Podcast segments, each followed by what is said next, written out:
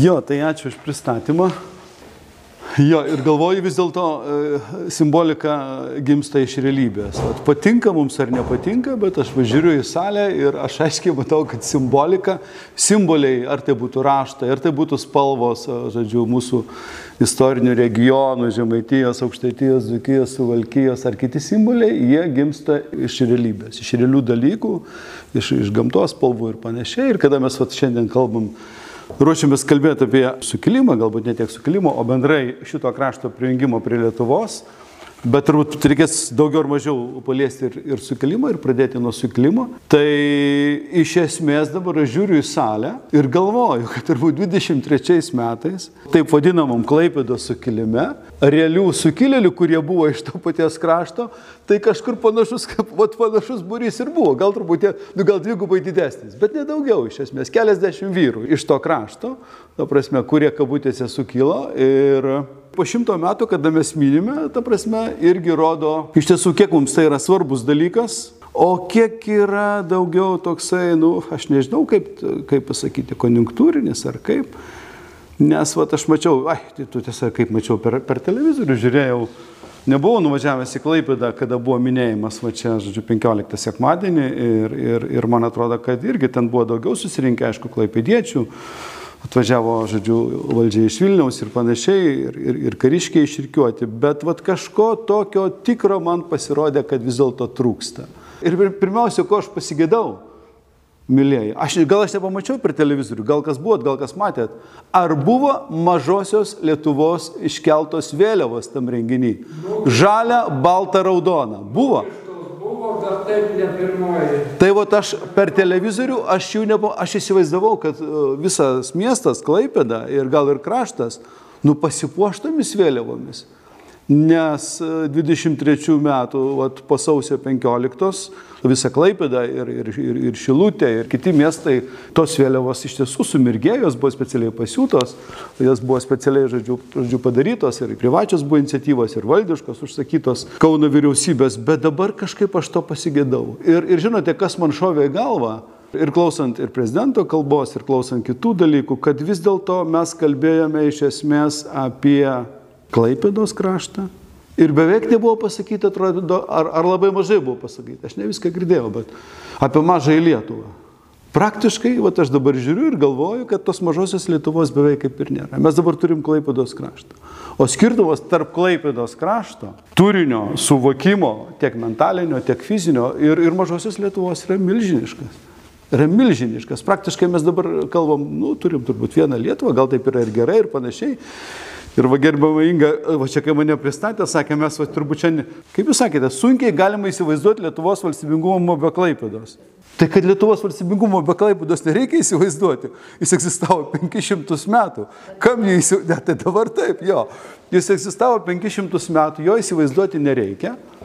Jis buvo realus, konkretus ir, ir, ir žodžiu, labai tikras Dažnai, va turbūt, va nuo ko šiandien reikia pradėti kalbėti, tikriausiai, kada mes kalbam va, tokį šimtą metų, paminėdami jubiliejų, tai va, kodėl 500 metų gyvenė be Klaipinos, lietuviai paskui staiga sugalvojo, kad jiems reikalinga Klaipina.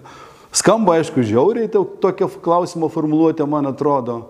Nu, bet iš savo kolegų tyrinėtojų iš 16, 17, 18 amžiaus, netgi 19, praktiškai aš nežinau tyrimų, kur būtų Lietuvos didžioji kunigaikštystė ar vėliau abiejų tautų respublika, čia aš paspolita, kaip norite, kėlusi konkrečius planus dėl, vat, žodžiu, mažosios Lietuvos. Nu, tuo metu savokas Klaipėdos krašto, aišku, iš viso nebuvo, tai yra vėlyva, tai atsiranda jau 19 metų sausio mėnesį Paryžiaus taikos konferencijoje. Toks pavadinimas tos siauros, šiaurrytinės mažosios Lietuvos krašto dalies. Tai yra vėlyvas pavadinimas, to, žodžiu, to praktiškai nėra. Ir paradoksas ar ne, Bet mūsų visiems didiesiems, didiesiems kunigaikščiams nuo Melno taikos, nuo 1422, kada ten rugsėjo 27 ar ne, Melno taika kažkaip, kažkaip ir, ir, ir, ir jie gyvena gerai, nebereikalinga. Jie nužygioja ten, žodžiu, iki Starodubo Vytautas ar ne, Starodubas nuo Maskvos, kiek ten pusantro šimto kilometrų ar kiek. O vad, kad čia pat yra, nu ne tik Laipada, yra Tilžė, yra Įsrutis, yra visai eilė kitų lietuviškų, nu, šio laikinė prasme sakant, lietuviškų erdvių ir teritorijų baltiškų. Atrodo, to nereikia. Ir bent jau mano kolegos Česlovo tyrimas sako, ir aš dar jį irgi taip žodžiu, žiūrėjau, ir, ir, ir Česlovo Laurinavičiaus, žodžiu, dar patikrinau po to, kai jis parašė. Iš tiesų, šitas klausimas, mažosios Lietuvos klausimas, atėmimo iš Prūsijos, jisai kyla 18 amžiaus viduryje, taip daugmaž rimtai. Taip vadinamo, žodžiu, septyniarių metų karo laiku. Daug valstybių kariauja, bet konkrečiai kyla, žodžiu, kaip ginčio objektas, nu ne tai kaip ginčio objektas. Nu, Prūsijos karalystėje tai nėra joks ginčio objektas, yra jos teritorija. Bet kada Rusijos carienė, Jelizaveta atrodo, jinai sugalvoja kad šitas, vat, kad ta, tas gabalas žemės, vat, praktiškai rytprusiai, plačiau negu Klaipėdos kraštas, plačiau negu mažoji Lietuva, plačiau negu šiandieninis Kaliningradas, o praktiškai tie rytprusiai tikrieji praktiškai, kaip jie buvo suvokiami iki antrojo pasaulinio karo pabaigos, ta prasme, dar su tuo gabalu, kas atiteko Lenkijai, nes 45 metais iš esmės yra daugmaž padalyjami po lygiai. Pusė tos teritorijos atitenka Lenkijai, pietvakarinė nu, tas, žodžiu, vakarinė, sakykime, taip dalis, o pusė truputėlį mažiau lieka, Stalinas pasilieka savo. Tai visa šita teritorija pareiškia pretenzijas Rusijos carienė, Rusija. Į tą nesigilinsiu, bet ta prasme yra pirmas toks dalykas, kada yra pabandoma šitos, tame tarp ir tą mažąją Lietuvą, atimti iš Prūsijos. Kitaip tariant, ką tai reiškia? Tai reiškia, Vytauto sudaryta Melno taika, jinai pakimba ant oro. Žodžiu, aišku, šiandien lietuviai didžiuojas ir kai kurie mūsų istorikai sako, va, tai siena, kuri ilgiausiai istorijoje išstovėjo, jo nepakitusi. Nu, gal ir gerai, kad ta siena išstovėjo, bet ta siena ar mums naudingai stovėjo, kad, prasme, kad mes turime Klaipados kraštą, nu, ne Klaipados kraštas, kad mažoji Lietuva liko už Lietuvos. Aš abejo, man atrodo, kad gal nelabai gerai buvo. Nu ir turbūt aš dabar tada į tą septynių metų karą nesileisiu, bet turbūt tik tai va dar pabaigdamas, kad jums būtų aiškiau, pasakysiu, kad e, rusų kareivių valdžioje šitas kraštas, tame tarpe ir šitas kraštas, ir plačiau, jie ir, Kalininga, ir, ir, ir Karaliaučių žemė yra, ir Klaipėda, ir Tilžė, jisai išbuvo iki 1762 metų, 6 ir 7 metus. Išlaikė tuo metu, paskui ta Jelizaveta I mirė, atėjo berots Petras III, toks lengvai glušas, kuris viską, ką darė motina, nusprendė viską pakeisti, nes labai nekentė motinos, nu jinai ten buvo, dėl ko nekesti ir panašiai, bet čia kita, kita tema. Ir jisai viską atšaukė tenai, žodžiu, tas Prūsijos, žodžiu, karalius Friedrichas buvo dėvinamas, Petro III ir panašiai ir taip toliau, žodžiu, viskas tas išnyksta. Ir paskui yra kitas antras dalykas, tai yra 1812-13 metai. Jau kada po Napoleono išvyjimo iš Maskvos Rusijos armija 1813 metais pakeliu žygiuodama į, į, į Paryžių, nu dar ir šitą kraštą prisimena, kad kas vyko prieš pusantro šimto metų ir, ir, ir, žodžiu, ir, ne prieš pusantrą, kiek čia, 1, 7, 5, 8, ne, prieš 70 metų ir irgi, žodžiu, tame tarpe užima, beje, tada dar daugiau ir Dansiga užima. Ir įdomiausia, kad Dansiga laiko užėmusi rusų kariuomenė berots iki 1815 ir 16, apie 3 metus išlaiko savo žodžiu. Ir Klaipėda taipogi. Bet ir vėl tie visi sustarimai, o, o Dansiga ir Klaipėda laiko o, tuo metu jau todėl, jau ne prieš Prūsiją laiko. Jau Prūsijos tokios praktiškai jau yra iš šono pasislinkusi, bet esminis dalykas yra, kad čia jau anglai nori ateiti šitas, nes anglai traktuoja tuo metu Dansigą, būsimąjį Gdanską ir tuometinį Mėmelį, būsimąją Klaipėdą kaip savo o, naujus rytų priekybinius forpostus toliau eiti į Rusijos, į Rusijos rinkas ir panašiai. Nu ir trečias dalykas, tai turbūt ir kalbant, dar kuris su, su lietuviais, tiesą sakant, mažai ką turi bendro. Tai yra pirmas pasaulinis karas, pirmojo pasaulinio karo išvakarės ir tada ant, tarp antantės valstybių, britų, prancūzų ir rusų sudaryta visa eilė slaptų susitarimų, dėl ko jie kariauja ir kaip jie kurs naują po karinę tvarką, kaip ką pasidalins pasibaigus sėkmingai, jiems pasibaigus pirmajam pasauliniam karui. Ten yra dalyjama Turkija, Konstantinopolis, žodžiu, rusai pretenduoja, dar anglai su prancūzais nelabai, dabartinė Sirija, dabartinė Irako teritorija, Irano teritorijos anumetinės, žodžiu, tam tikros erdvės yra dalyjamos ir panašiai. Ir Rusijos, žodžiu, caras Nikolajus II labai aiškiai, žodžiu, pareiškė, kad vat rytprusiai atiteks Rusijai. Ir čia jau tada per tą pirmąjį pasaulinį karą mes jau matome pirmą geopolitinį lietuvių judesi. 1914 m.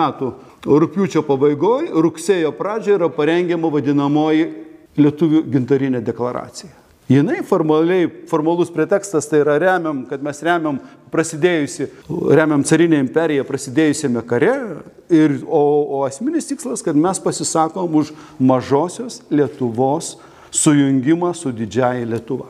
Vat pirmas judesys 1914 m. rudens pradžia nuo 1422 m. Melno Rude, irgi ruduo, rugsėjo 27. Ir 1914 metų irgi rugsėjo, tik tai ankstesnė diena, rugsėjo 13 ar 12. O tiek metų praėjo, kad vieni lietuviai pasirašė, ta prasme, atidavė, o kiti lietuviai ir reikalauja, nu, išreiškia reikalavimą, pageidavimą autonomijos Rusijos imperijos sudėti ir išreiškia norą, kad mažoji Lietuva būtų sujungta su didžiaja Lietuva. Ir ta tokia apjungta Lietuva gautų autonomiją carinės imperijos sudėti.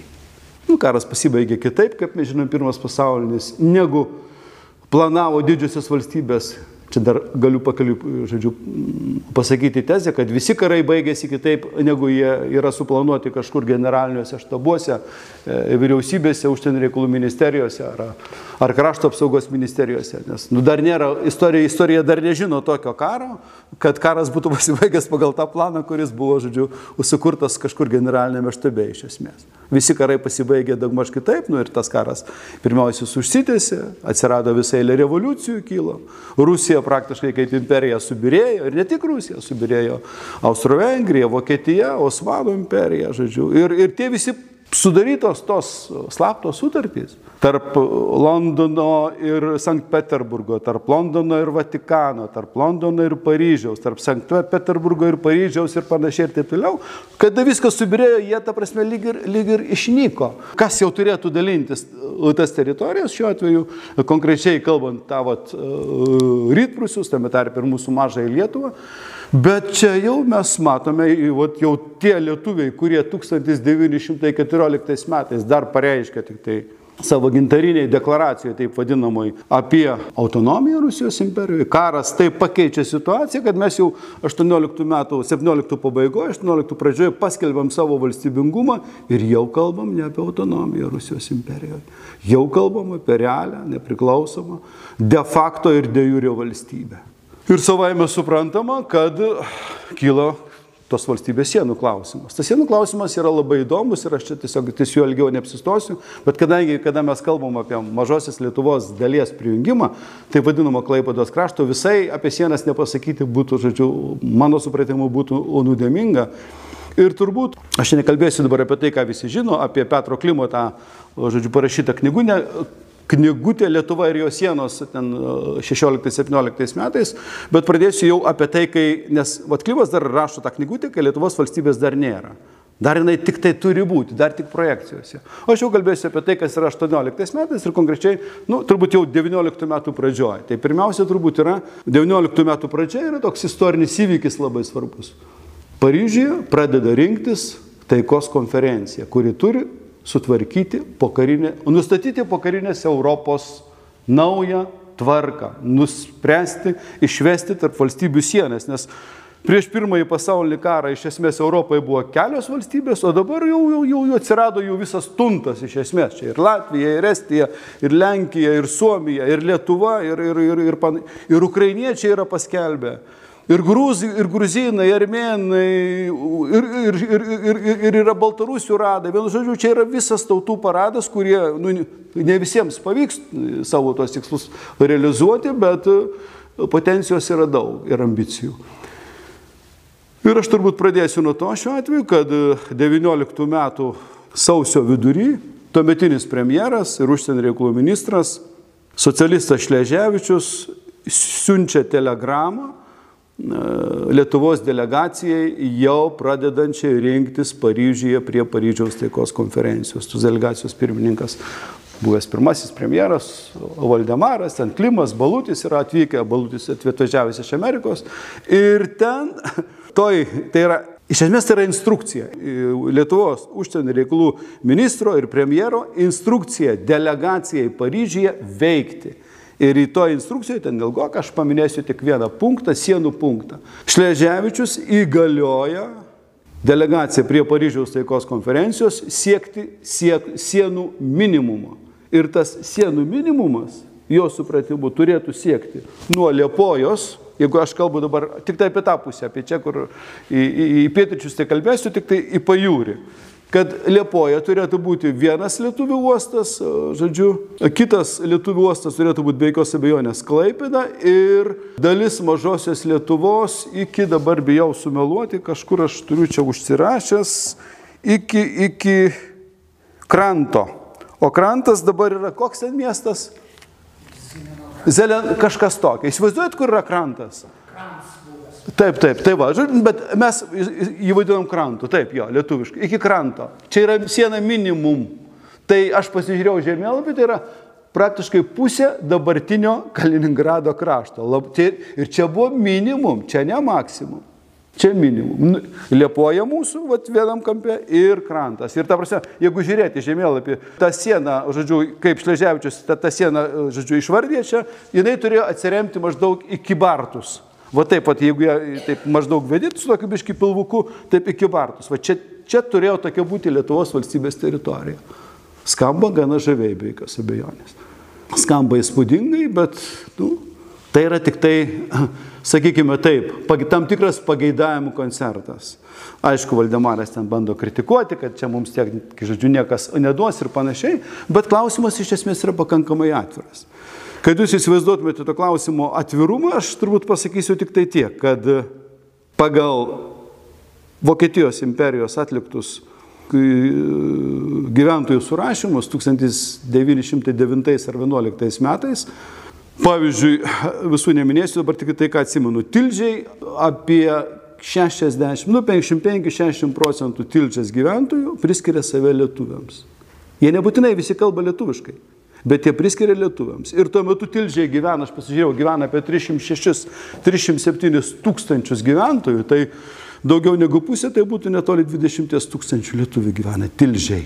Ir tai yra didesnis lietuvių procentas, kokius, nu, gal dešimt kartų negu Klaipėdai.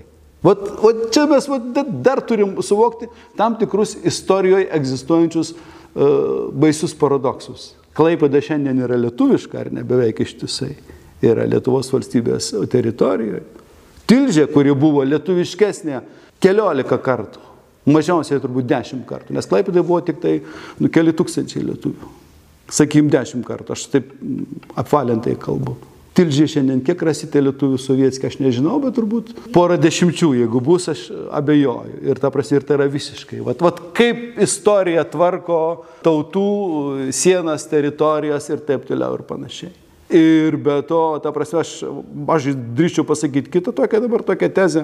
Mano supratimu, kiek man teko, aš žiūriu, paskaityti, aš specialiai, čia, žodžiu, domėjausi, tuo metu tilžės laikraščius, lietuviškas spauda tilžės. Tai man susidaro, susidarė įspūdis ir dabar aš su tuo įspūdžiu su jumis pasidalinsiu, kad XIX amžiaus pabaigoje, XX amžiaus pradžioje turbūt. Tilžė yra lietuviškiausias miestas, bet jis yra ne Lietuvoje.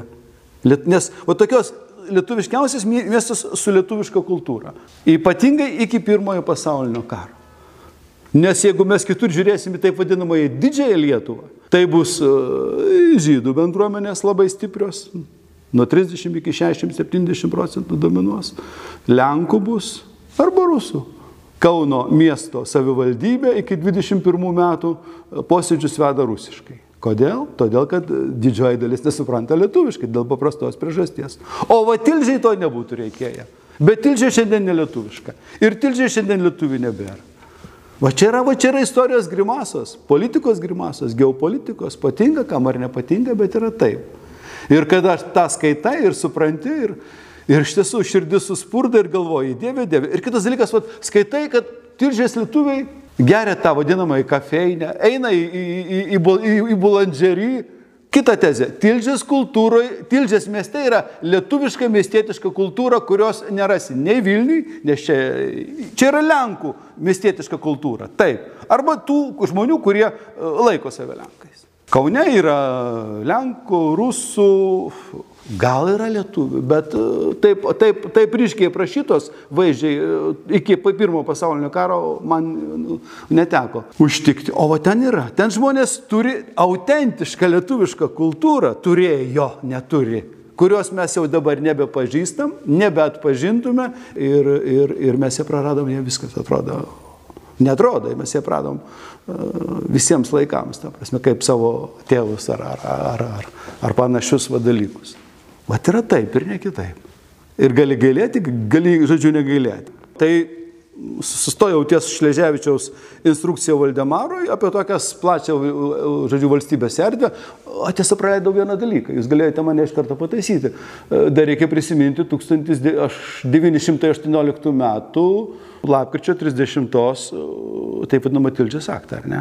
Nu, sukurtas dokumentas, iš esmės inspiruotas iš Kauno nu, iš Vilniaus, iš, iš didžiosios Lietuvos, o didlietuvių toksai nenatūraliai pošnus, nu, matosi iš visko, ta frazė, kad kaip jisai ir kaip parašytas. Ir, bet ten yra trumputis visiškai dokumentas, turbūt daugumai žinot, bet jau ten atsiranda vienas mano supratimu labai svarbus dalykas.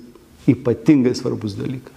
Būdingas kaip tik tai mažlietuviams, mažai Lietuvai, jų etnopolitiniai, etnokultūriniai tapatybei.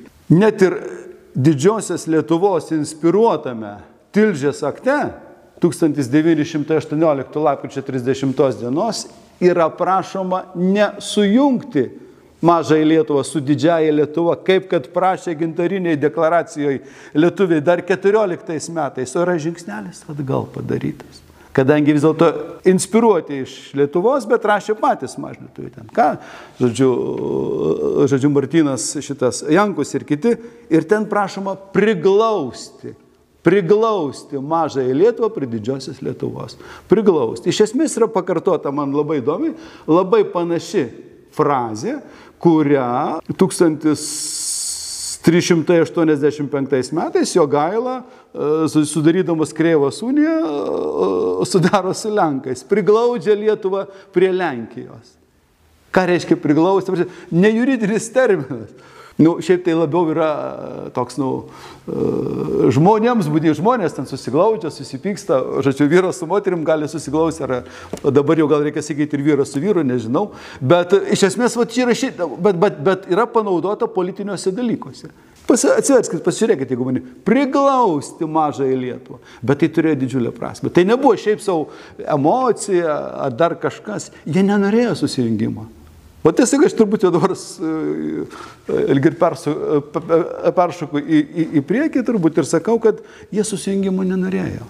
Jiems patiko didžioji Lietuva, jie ją mylėjo, bet jie mylėjo platoniškai per atstumą. Vat gerai žinoti, kad už Nemuno tenai E, žodžiu, yra ta didžioji Lietuva, ten nu, jinai šiokie yra nokie, bet mes kitokie.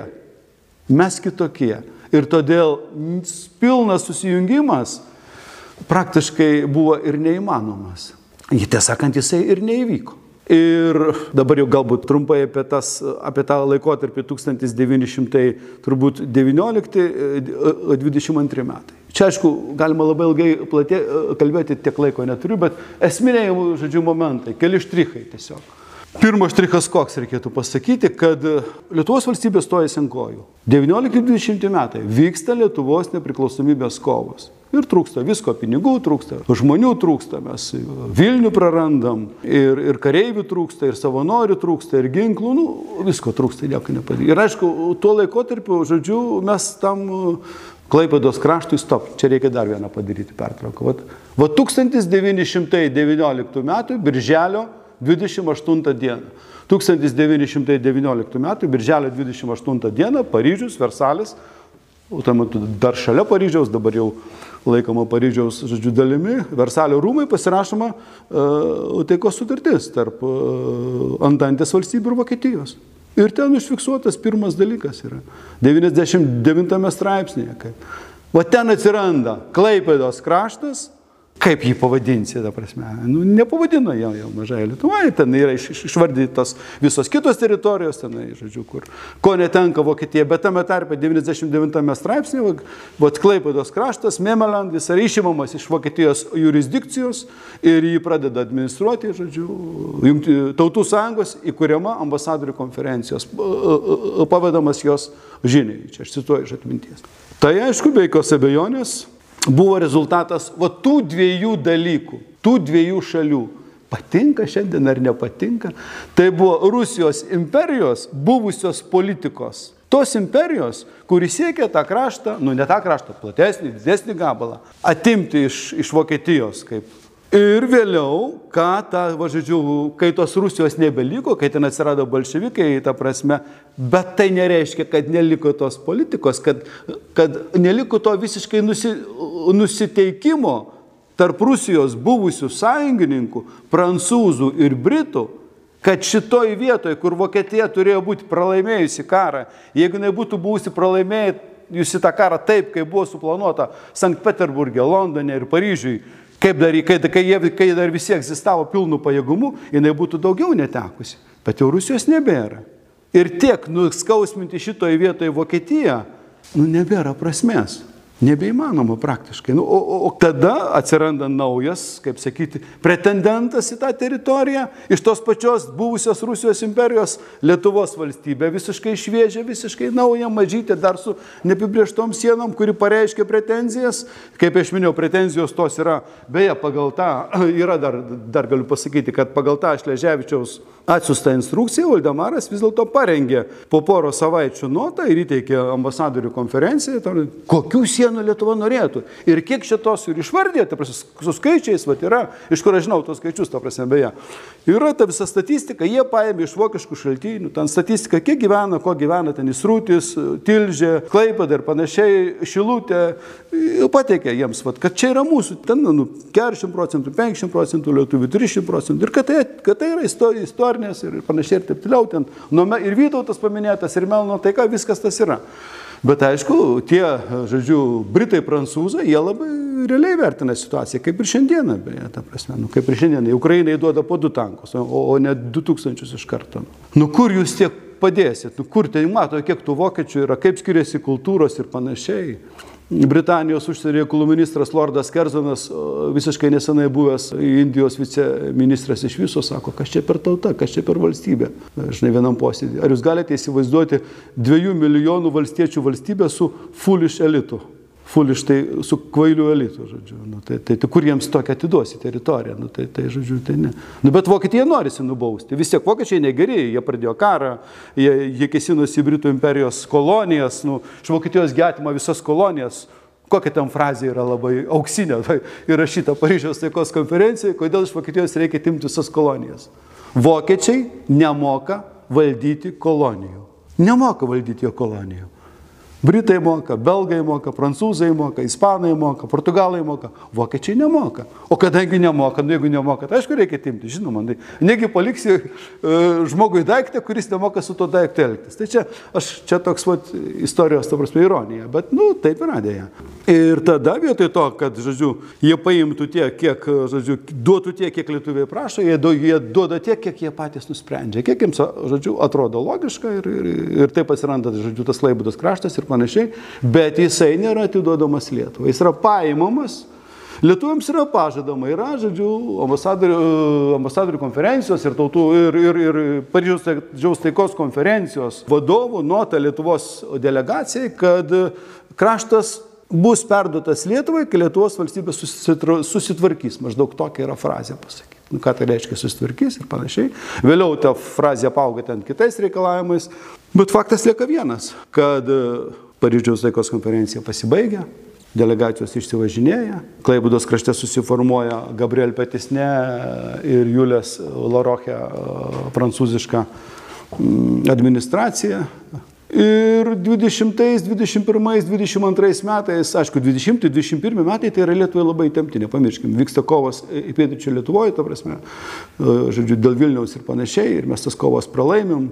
Ir čia mums didelio, žodžiu, laiko nėra kada skirti klaipėdai, bet vis dėlto niekas nebekalba apie tai, kad, kad atiduos Lietuvai. Nu, prasideda toksai didelis diplomatinis žaidimas, nu, sakykime, tam tikrą, aš matau tam tikrą sąsąją šiuo atveju, sakysim, šiandien su Ukraina, Rusija ir, ir, ir, ir, ir vakarais, ir, ir tada pradedama kelti neaiškas Lietuvos sienos.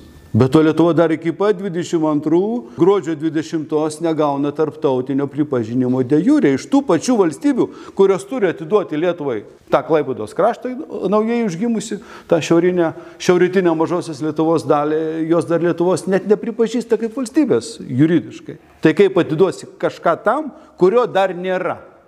Ir sakyčiau, klausimas, aišku, Lietuva pradeda, žodžiu, dėti pastangas, bet čia įsijungia dar kitas dalykas.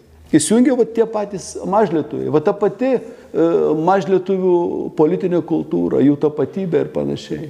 Ir apie 1921 vidurį, 22 metų pradžią Kauno valdžia, Lietuvos vyriausybė, tuo metu yra, iš pradžių premjeras yra būsimasis prezidentas Kazis Grinius, pastebi, jog Klaibudos kraštas sparčiai ekonomiškai kyla. Sparčiau kyla ekonomiškai negu pati Lietuva. Nu, aišku, Lietuva kariauja, Klaibudos kraštas su nieko, ne, žodžiu, kariauti jam nereikia, bet pagrindinė priežastis yra ne ta.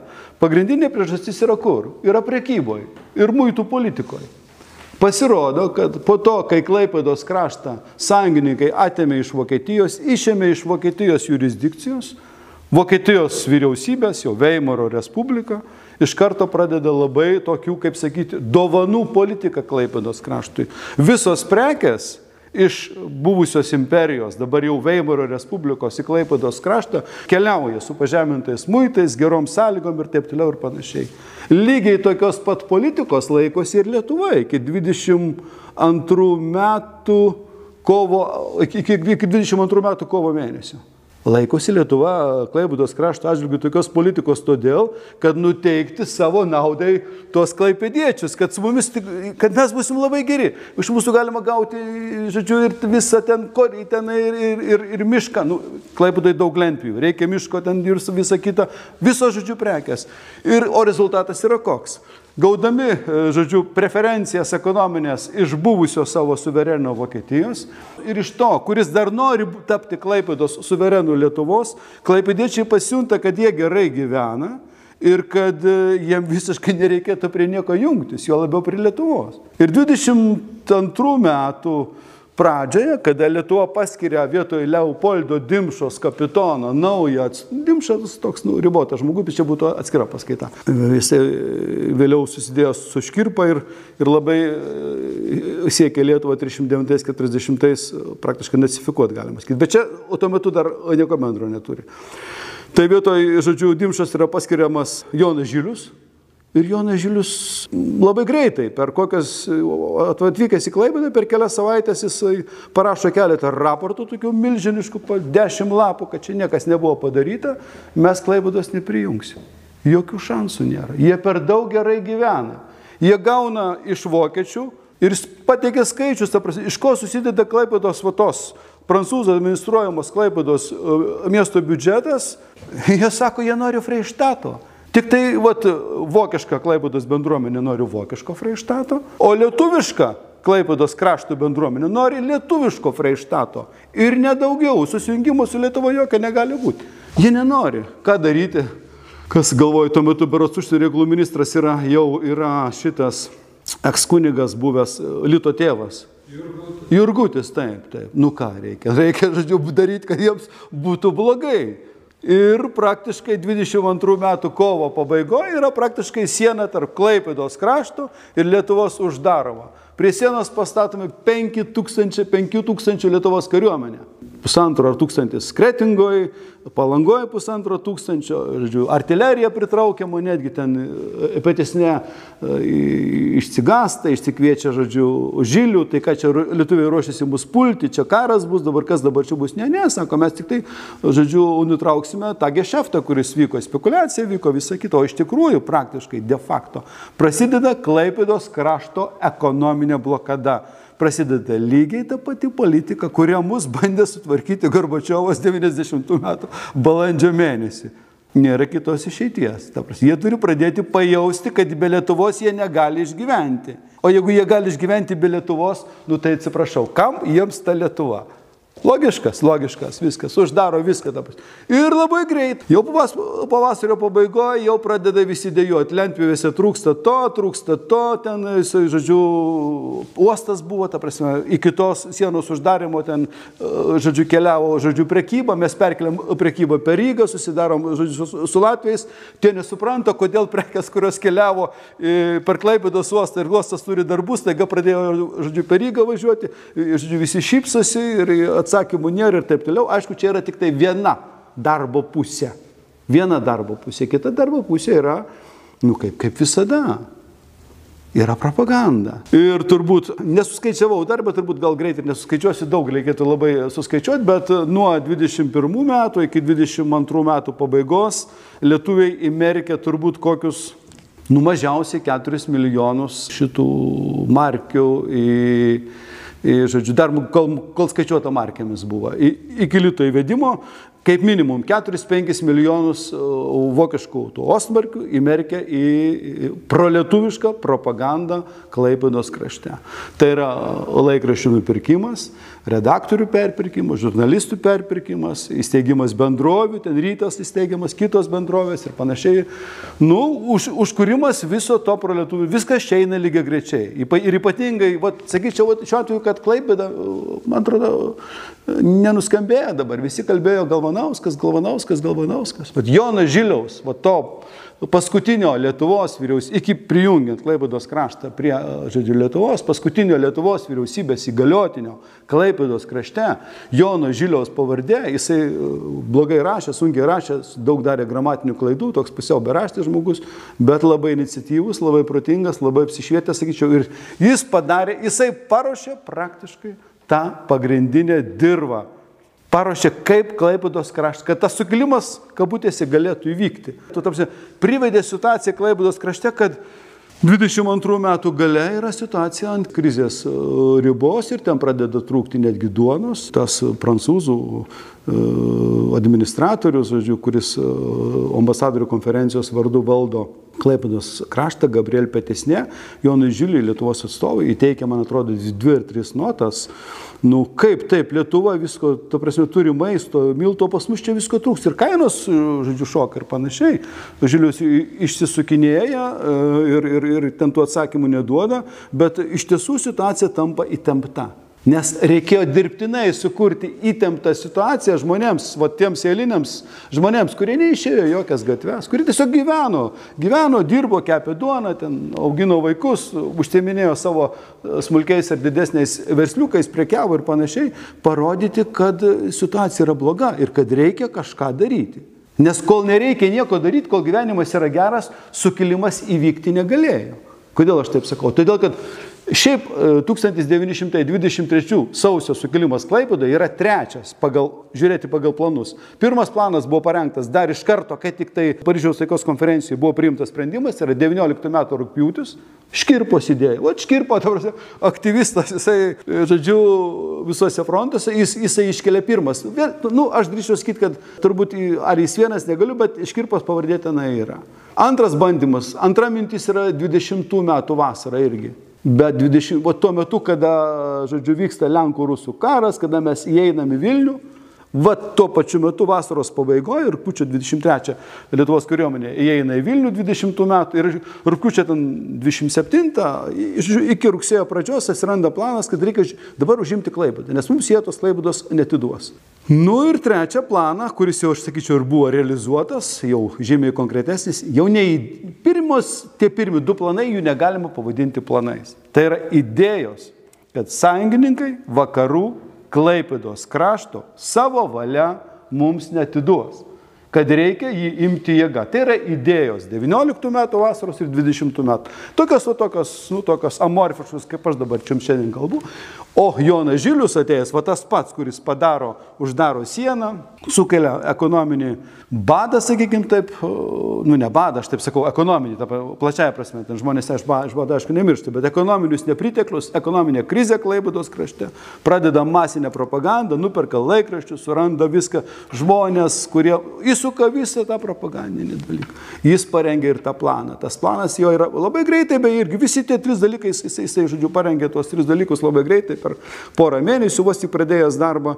Tai yra turbūt irgi 22 metų kažkur tai balandžio, ar kovo, kovo pabaiga arba balandžio. Lygiai grečiai, vėlgi ten maždaug yra taip, jisai rašo premjerui, tuo metu jau, jau gal Galvanauskas yra.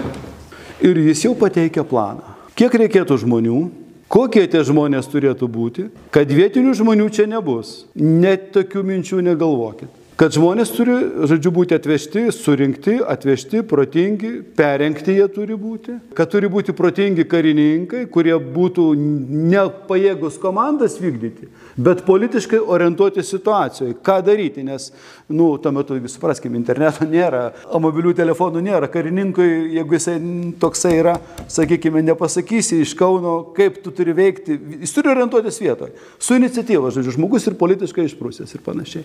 Nu, praktiškai kai ten yra punktais išdėstyta, ką reikia padaryti, iš esmės po beveik metų, po 90 mėnesių, tas 23 metais iš esmės ir, ir sakykime, tai buvo įvykdyta. Nu ir žinote, ką čia dar vat, prieš tą įvykdymą reikėtų akcentuoti. Vienu žodžiu taip, Jonas Žilius, sakyčiau, jo pavardė tame sukilimo rengime, visi kiti prie jo planų prie jo sukurtos situacijos vienaip ar kitaip prisiklyjuoja. Be jokios abejonės, dar kad ryštis sukilimui reikėjo parengti tarptautinę dirbą, nes nu, Lenkija pretendavo į Klaipados kraštą. Nieko blogo nenoriu pasakyti, bet Lenkai vis dėlto turėdami Gdynę, nu, Gdynė dar buvo tik statomas uostas, dar praktiškai buvo tik tik pradėtas statyti, kaip uostas Gdanskas, tai Dansigas tuometinis, laisvas miestas, Freištatas iš esmės toks pat, kuris Lenkijai formaliai nepriklauso. Jisai yra, turi laisvą miesto statusą, kurio uostų Lenkija turi išimtinę teisę naudotis. Nu, taip sakant, turi daiktą, kurį laikinai naudoja, tai nėra jos teritorija. Todėl Lenkai visą laiką su pavydu žiūri čia į tą, į šiaurę, į Nogdansko į Klaipedą, į Memelį, kad čia galėtų tapti jau tikras išėjimas, ne kažkoks, kurį tu o šiandien turi, va, o rytoj gali jo ir nebeturėti. Ir jie pradeda dėti, žodžiu, tam tikras taipogi pastangas, bet va čia dar reikia, va ką, aš čia į tas detalės pastangas nesileisiu, bet va čia reikia pastebėti vieną įdomų dalyką, kad Jono Žiliaus, Lietuvos vyriausybės atstovo Klaipėdoje, sakyčiau, buvimo laikotarpiu, kai jisai čia reprezentuoja Klaipėdą, užsimesga kontaktai tarp Lenkijos konsulo, generalinio konsulo Klaipėdoje ir Žiliaus. Ir abu du randa bendrą kalbą. Ir dar įdomiau yra tai, kad tuo metu Lenkija ir Lietuva, šiandien mūsų istoriografijoje to visiškai nėra, mūsų istoriografijoje yra pateikiamas supaprastintas, suprimityvintas vaizdas, o esmė yra ta, aš čia nesileisdamas į detalės tik pasakysiu, kad Lietuvos ir Lenkijos politiniai interesai Klaipėdos krašte 22 metais sutampa šitoj vietoj, kad tiek Varšuva, tiek Kaunas nenori, kad Klaipėdoj atsirastų Freištatas. Mūsų historiografija praktiškai sako priešingai, kad Lenkija už Freištatą. Nieko panašaus. Ir vyksta kontaktai tarp Lenkų konsulo ir, ir mūsų atstovo Žiliaus. Ir jie kiekvienas tarėsi atskirai su savo vyriausybė ir gal galę sutarė, kad abi pusės kariaudamas dėl Vilniaus iš esmės, Klaipėdai sutinka, kad Klaipėdai Freištato būti negali. Kodėl negali būti? Todėl, kad yra padaroma pagrindinė išvada, kad jeigu Klaipėdos kraštas gauna Freištatą, laisvą statusą, kad suverenitetas yra tų pačių žmonių. Tai ir Lenkų politikams, ir Lietuvių tampa labai aišku, kad antrų žingsnių po to, kai jie gaus Freištatą, jeigu jie patys yra savo suvereniteto šeimininkai, jie nubalsuos už ką?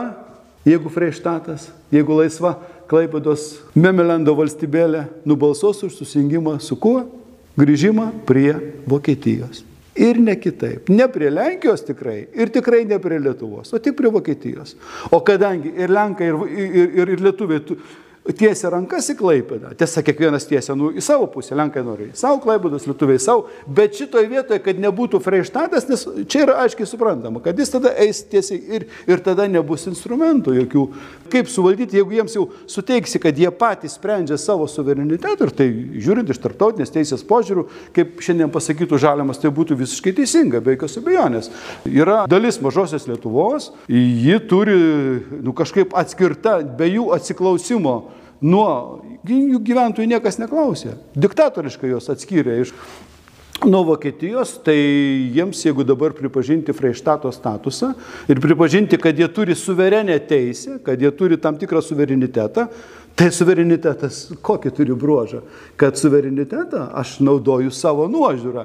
Ir jau tada nei ambasadorių konferencija, nei tautų sąjunga, nei Lietuva, nei Lenkija negali jiems pasakyti, su kuo jie turi būti, ką jie turi daryti ir kur eiti. Ir kadangi vat, įvyksta tas susipratimas tarp Varšuvos ir Kauno, kad būtent tai bus ir ne kitaip. Tai tada abu du, o tie, žodžiu, ir Lenkų konsulas, ir mūsų Žilius veikia prieš tą Freištatą. Ir tiesą sakant, reikia dar pažodžiu pasakyti, kadangi mes organizuojam čia tą sukilimą, čia užbiški bėgu, užbėgu už akių, mes šitoje vietoje, žodžiu, nu Lenkus peržaidėm, nes jie irgi ten kažką organizavo, tik tai jie gal kitaip galvoja, nes nu, jau jie buvo vieną kartą praėję su ta schema Vilniuje, su Želigovskio kabutėse sukilimu, maištu ir, ir antrą kartą buvo jau labai rizikinga ir, ir, ir panašiai ir taip toliau. Jo, bet čia dabar reikia, dabar turbūt dar liko dvi temos labai svarbios, trys dar liko. Sakykime, taip įvyksta sukilimas, apie patį sukilimą aš nekalbėsiu, nes nu, dėl vienos paprastos priežasties, kad sukilimo nebuvo. Sausio 7 Šilutėje ateina mūsų iš Kauno Lietuvos šauliai, perrinkti kareiviai ir karininkai, jie paskelbė savo manifestą, žodžiu, Šilutėje, sausio 7 ir pradeda žygį, žinot, kur Šilutė, žemėlapė čia, iki Klaibados, ne tiek jau toli ir jau jie praktiškai ten sausio 13, atrodo, ar 14 užima Girulius, paskui ten sausio 15 ryte Sendvarį, sausio 15 apie 10 val. įvyksta pirmi susišaudimai tarp prancūzų kareivių. Prancūzai tuo metu turi Klaipadoje apie 350 kareivių. Dar antra tiek yra prancūzų policininkų. Vietiniai policininkai. Vat klausimas yra, kurio aš iš, iš dokumentų. Skaičiau dokumentus, bet jums atsakymo negaliu pasakyti, nes pagal uh, dokumentus, kurie parašyti vokiškai, Klaipėdoje policininkų apie 70 procentų yra vokiečiai. Žilius tuo tarpu rašo, kad 80 procentų yra lietuviai. Arba suvokietinti lietuviai, bet jie prijaučia Lietuvai. Nu, vat kaip traktuosi. Bet iš esmės yra, reikia sakyti taip, kad e, sukilimo tą dieną ir tomis dienomis e, tie vietiniai policininkai, ar jie būtų vokiečiai, vokiečiams priskirti, ar jie būtų priskirti lietuviams, žodžiu, ir jų vadas laikosi iš esmės neutraliai. Mūšiuose tuose, nu kokie ten mūšiai, tuose susišaudimuose, sus, susirėmimuose nedalyvauja ir aš jau čia bet tai rašiau, turbūt dar pakartosiu, kad O dar ką, ką noriu akcentuoti apie tokį lietuvių karingumą ar panašiai. Iš Kauno išleisdamas sukilėlius, kabutėse sukilėlių vadui Polovinskiui, kapitonui Galvanauskas pasakė, priešų klaibudai Lietuva neturi. Ir jūsų uždavinys yra tenai nesusikurti priešų. Žodžiu, Klaipada, jeigu jau ten mes darom paimimą, tai paimti taip, kad tų priešų ir neatsirastų. Ta prasme, ginklą ir jėgą naudoti labai saikingai, labai išskirtinais atvejais, labai, labai išimtinai ir tuo galima paaiškinti būtent šituo Galvanausko prašymu ar įsakymu ar nurodymu ir tai, kad Polovinskis vat, priėmė tą giliai iš širdį ir vykdė, kad žuvo 12 lietuvių sukilėlių ir žuvo du prancūzų, vienas policininkas, vienas kareivis. 12 prie 2. O todėl žuvo ypatingai, kad tą paskutinę dieną, kai buvo atakuojama prefektūra, prefektūrai buvo pora kulkosvaidžių, prancūzai atidengė kulkosvaidžių ugnį. Ir prieiti per kulkosvaidžių ugnį labai buvo sudėtinga, bet Polovinskis ilgai neleido šaudyti. Ir sakė, nu reikia prabėgti, nu ten, namai, nu žinot, kur ta prefektūra, viskas, ten, namai, gatvė siaura, netaip daug, dabėgsit. Ir per tą, debe, žodžiu, dabėgimą ten ar šeši ar septyni mūsiškai žuvo, kol pribėgo prie sienos. Nu, pribėgi prie sienos, kulkosvaidis tavęs jau, žodžiu, nepalies. Tai Tai va toks va lietuvų, bet kita vertus tai rodo, kad va, tie žmonės, kurie ėjo iš Kauno, kabutėse sukilėliai, tie buvo iš tiesų žmonės savanoriai, ne vieną neprivertė, ta prasme, ten ateidavo į pulką, paklausdavo toks ir toks reikalas, kas e, nori. Nu, panašiai turbūt, va, nu, gerai, nesakysiu ką panašiai, bet ėjo savanoriai. Ir todėl turbūt ir tų pretenzijų paskui nebuvo. Tai va, bet klausimas iš karto, ta prasme, kad lietuvai gerai, lietuvai užima tą klaipėdą, sausio 15 apie pusę 12, prancūzai iškėlė baltą vėliavą, kad lietuvai prabėgo per tą gatvę prie prefektūros, prie sienų ir įmetė porą granatų pro langus. Prancūzai suprato, kad reikalas yra, kaip sako, dėl apšlepę, iškėlė baltą vėliavą, buvo tenai pagal Žiliaus aprašymą, Žilius agentų ten turėjo, žodžiu, kad 11.35 prancūzai iškėlė vėliavą ir tada buvo pasirašytos tarp sukilėlių ir prancūzų paliaubos. Prancūzai nepasidavė. Paliaubos pasirašytos. Nu kur jie pasiduos? Ir kitą dieną, sausio 16 naktį, 16-17 į Klaipėdą įplaukė Juzef Pilsuski, komendant Juzef Pilsuski, Lenkų karo laivas, korvetė. Žodžiu, lengvai ginkluota korvetė. Ir Galvanauskas, nu, turbūt įsijautęs į padaro klaidą, antrą klaidą padaro. Apie pirmą jums nepapasakojau, bet jeigu neklausyt ir nesakysiu. Padaro antrą klaidą, jisai išsiunčia notą prancūzams ir britams. Gerai, kad jis tą notą išsiunčia pirmą britams, o ne pirmą prancūzams. Su protestu dėl e, Lenkų karo laivo, protestuodamas prieš Lenkų karo laivo įplaukimą į Klaipėdą. Čia jau iškyla labai rimtas dalykas. Anglijos užsienio reikalų ministras klausė, tai kieno suverenitetas yra Klaipėdoje. Kas tuo suverenitetu disponuoja, jeigu tamsta ministrė, nu jisai tą visą sako mūsų atstovai Tomui Naruševičiui Londone, jeigu va tamstos ministras siuntinėja čia mums tokias notas. Kieno suverenitetas yra Klaipėdoje? Tai sako, jūs norite karo, jūs ginčiate, kad Antantė turi suverenitetą Klaipėdos kraštui, tai čia yra karas, čia nieko daugiau nėra. Mes galime pasiūsti mažiausiai 2-3 tūkstančius vyrų Britų karo laivai stovi reidą, nuo Klaibados per ketvirtą, penketą kilometrų jūroje stovi, atviro jūroje stovi. Jeigu Lenkų karo laivas komandant Pilsuski įplaukė į uostą, Britų laivai neįplaukė, jie stovi ten jūroje toliau, bet daplaukti ten valanda laiko kiek. Tai vad klausė, kieno suverenitetas yra pirmiausia. Nu ir ką jam belieka atsakyti, nu jūsų suverenitetas. Tai jeigu mūsų suverenitetas, Galvanauskas, kokiu pagrindu jisai čia protesto notą siuntinėja, Sako, atsiprašau, galiu atsimti nuotą atgal. Va tik tai taip. Sako, man reikia pasitarti kolegijai, bet aš kol kas tą notą, ta prasme, įdedu į stalčių. Jeigu prancūzai ją, ją, žodžiu, gaus tokią, tai jūs karo neišvengsite. O jeigu jūs karo neišvengsite, tada jūs jau žinokite, kad jokios Lietuvos tikrai neliks. Šitą aš jums galiu garantuoti. Tai čia pat, ponėmi, žodžiu, e, pasiuntinį, tiesiog mes paliksime, kad jūsų žemės arba jūsų įsivaizduojamas žemės pasidalytų Lenkai su Latvijais. Ir sakė, kiek mes žinome, ne vieni, nei kiti nėra prieš. Ir tada visi supranta, kad mes esam nu, labai nekokioj situacijoje. Ir, ir tada skubi telegrama į Kauną. Ta nota buvo trumputė ten, 3-4 sakiniai Galvanauskas. Tada Galvanauskas atsiprašinėdamas parašo išsisukinėja, meluoja. Nu, kas belieka daryti? Parašė penkis kartus ilgesnę notą, kurioje jis nenorėjo žaisti ambasadorių konferencijos suvereniteto Klaipėdoje. Lietuva nieko neturi bendro su sukilėliais, tie sukilėliai yra blogi ir taip toliau. Yra maištininkai, kuriuos galima nubausti, bet Lietuva e, žino Klaipėdos krašto žmonių valią ir jinai negali neatsiliepti į tą valią, į tą verksmą, ten, nu, ten, nu, iš esmės yra Putino, Putino politika, kuri aišku, toks sulyginimas drastiškas, bet iš esmės ir, ir yra tie patys žodžiai, ta prasme, vat, kur reikia, o, o kas belieka daryti ir nieko tu nepadarysi, taip ir yra. Ir tada prasideda jau, jau iš esmės turgus, sakykime, taip. Aišku, mūsų tai niekas į, į, į tą turgų nekviečia, žodžiu, į Klaibadą yra atsiunčiama dar viena speciali komisija su prancūzų generolu prieš akį žodžiu, ištirti reikalą vietoj. Nu, iš esmės yra atsiunčiama, žodžiu, sakykime, taip komisija įvertinti situaciją, kokios būtų reikalingos sąjungininkų karinės pajėgos, kad e, sukilėliai čia būtų per maždaug per dieną ar dvi sutriuškinti. Iš esmės, va, toks yra dalykas, bet kita vertus, žodžiu, prasideda svarstymai. Yragi kiti dalykai. Yra ne vien tik tai klaipėda. Tai mums yra tik tai klaipėda iš esmės. Ir mums netgi ne vien klaipėda. Mes irgi turim Vilnius problemą, ta prasme. Tuo pačiu metu, primenu, yra prancūzų invazija į Rūrą įvykusi tik ką prieš dvi savaitės. Ir kada prancūzai bando karą laimėję Prancūzijai, Prancūzija bando pasimti reparacijas iš karą pralaimėjusios Vokietijos. Bando, kad būtų realizuota Paryžiaus taikos sutartis. Vokiečiai tų reparacijų nemoka, nu kurie mokės, sako, mes pinigų neturime, karas vyko, viskas yra. Ir iš tiesų, Neperdedant, galima sakyti, kad tuo metu situacija Vokietijoje ir ne tik Vokietijoje, visuose kariavusiuose valstybėse, ypatingai tose valstybėse, kurios buvo kariavo prieš Antantę, Austro-Vengrijoje, tai yra Austrija, Vengrija, Vokietija, situacija yra tragiška.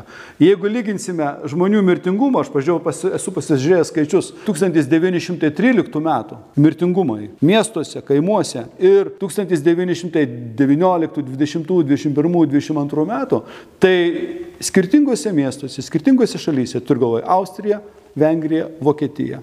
Jie viršyje 13 metų duomenis nuo 40 iki 70 procentų. Kūdikių mirtingumai kai kur viršė 100 procentų, dvigubai yra didesni, nes trūksta bado, trūksta medikamentų. Nu, ta prasme, yra iš tiesų karas, karo pasiekmes yra milžiniškos. Situacija yra, ekonominė situacija yra Vokietijoje, pavyzdžiui, ir Austrijoje, Vienoje netgi, blogesnė negu, sakysim, Lietuvoje. Mes to net nesuvokiam, nes vis dėlto čia tas vokiečių okupacinis režimas per pirmąjį pasaulinį karą, jis buvo žiaurus, baisus ir panašiai. Bet tiek, kiek karas išsunkė vokiečius ir austrus, Mes to net negalim įsivaizduoti. Ten prasideda lygos, džiova masiškai. Ten yra, yra tyrimai atlikti pačių vokiečių, austrų, visiškai beje neseni tyrimai, dešimties, penkių metų, žodžiu. Tik tai va tie po šimto metų ištyrė tos dalykus. Tai yra, yra baisi situacija, bet situacija yra pakankamai įtempta, va, kaip minėjau. Ir ta prancūzai įvedė kariuomenę į Rūrą, kad paimtų tos pinigus. Nu, nepaimtų pinigus, kad ten, ten Rūras tai yra pramoninis centras, kad ten, kad viskas vokiečiais, žodžiu, sabotuoja vietiniai, vo, vietinė vokiečių bendruomenė sabotuoja, prancūzai nesugeba to paimti. Žodžiu, jie yra įstrigę kariškai, įveda kariuomenę su belgais ir, ir ciek tų pinigų paimti negali. Yra dar kita problema. Tik ką yra pasibaigęs turkų graikų karas. Ir vyksta konferencija Lozanoje 1922 m. lapkritį jinai pasibaigė gruodžio 31, nieko be jokių rezultatų. Ir jinai atsinaujina 22 metų kažkur tai vasario vidury. Kaip tik tai tuo metu, kai čia sprendžiasi šitie visi dalykai Klaipėdoje. Ir čia Britai yra panirę iki, iki kaklo, galima taip sakyti, nes jie ten dalyvauja kaip tarpininkai. Iš pradžių jie remia graikus, paskui jie kai Kemalis Ataturkas pradeda flirtą su Leninu ir su bolševikinė Rusija ir kada Britai pamato, kad iš jų paspruks, ta prasme, kad jie ten praras visiškai įtaką, nes jau yra bolševikai, o jeigu dar Kemalis prisidės prie bolševikų, tai bus iš viso, ta, o ten jų Indija, ten jų, ta prasme, ten tas jų Irakas, dar, žodžiu, yra Sirija, ten, ta prasme, vien jų kolonijos ir, ir, ir ten nu, nebeišlaikysi to, tada jie persimeta į kitą pusę ir panašiai ir taip toliau. Žodžiu, ką aš noriu pasakyti, kad visi tie didėjai žaidėjai turi savo kitus galvų skausmus. Todėl pradėti dar, kad, kad ir mažo karo čia Klaipados krašte, niekas nenori. Karas, bet to karas nusinešė jau daug gyvybių. Bet to dar yra dalykas Londone. Londonas čia pagrindinis sprendėjas yra. Londone vyksta masiniai darbininkų streikai. Plus po karo yra milžiniška bedarbystė. Keli milijonai anglų darbininkų po karo grįžusių kareivių, jie nerado darbo. Jų vietas užėmė kas? Užėmė moteris, emancipuotos moteris, kurios iki karo nenešiojo kelnių ir nedirbo gamyklose praktiškai, arba dirbo labai menkai. O kai vyrus paėmė į karą, jos užėmė tas darbo vietas ir tuos, kurie žodžiu, kurie kare žuvo, tiem pasisekė, jiems jau po karo nebereikėjo darbo iškoti, o tie, kurie anglų kareiviai išgyveno ir, ir 18 metų rūdienį grįžta į Londoną, į kitus, į Manchesterį, į kitus miestus, jiems reikia darbo vietos, o, dar, o to darbo nėra.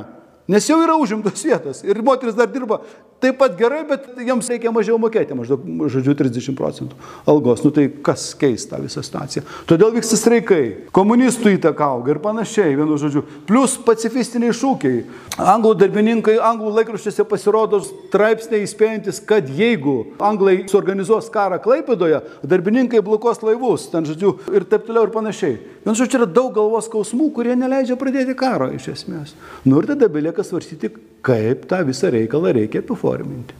Nesileisiu labai smulkiai į, į, į tuos visus dalykus, bet turbūt esminis momentas yra tas, kad ir Britai, ir Prancūzai tuose visuose dėrybose, iš esmės derasi trys.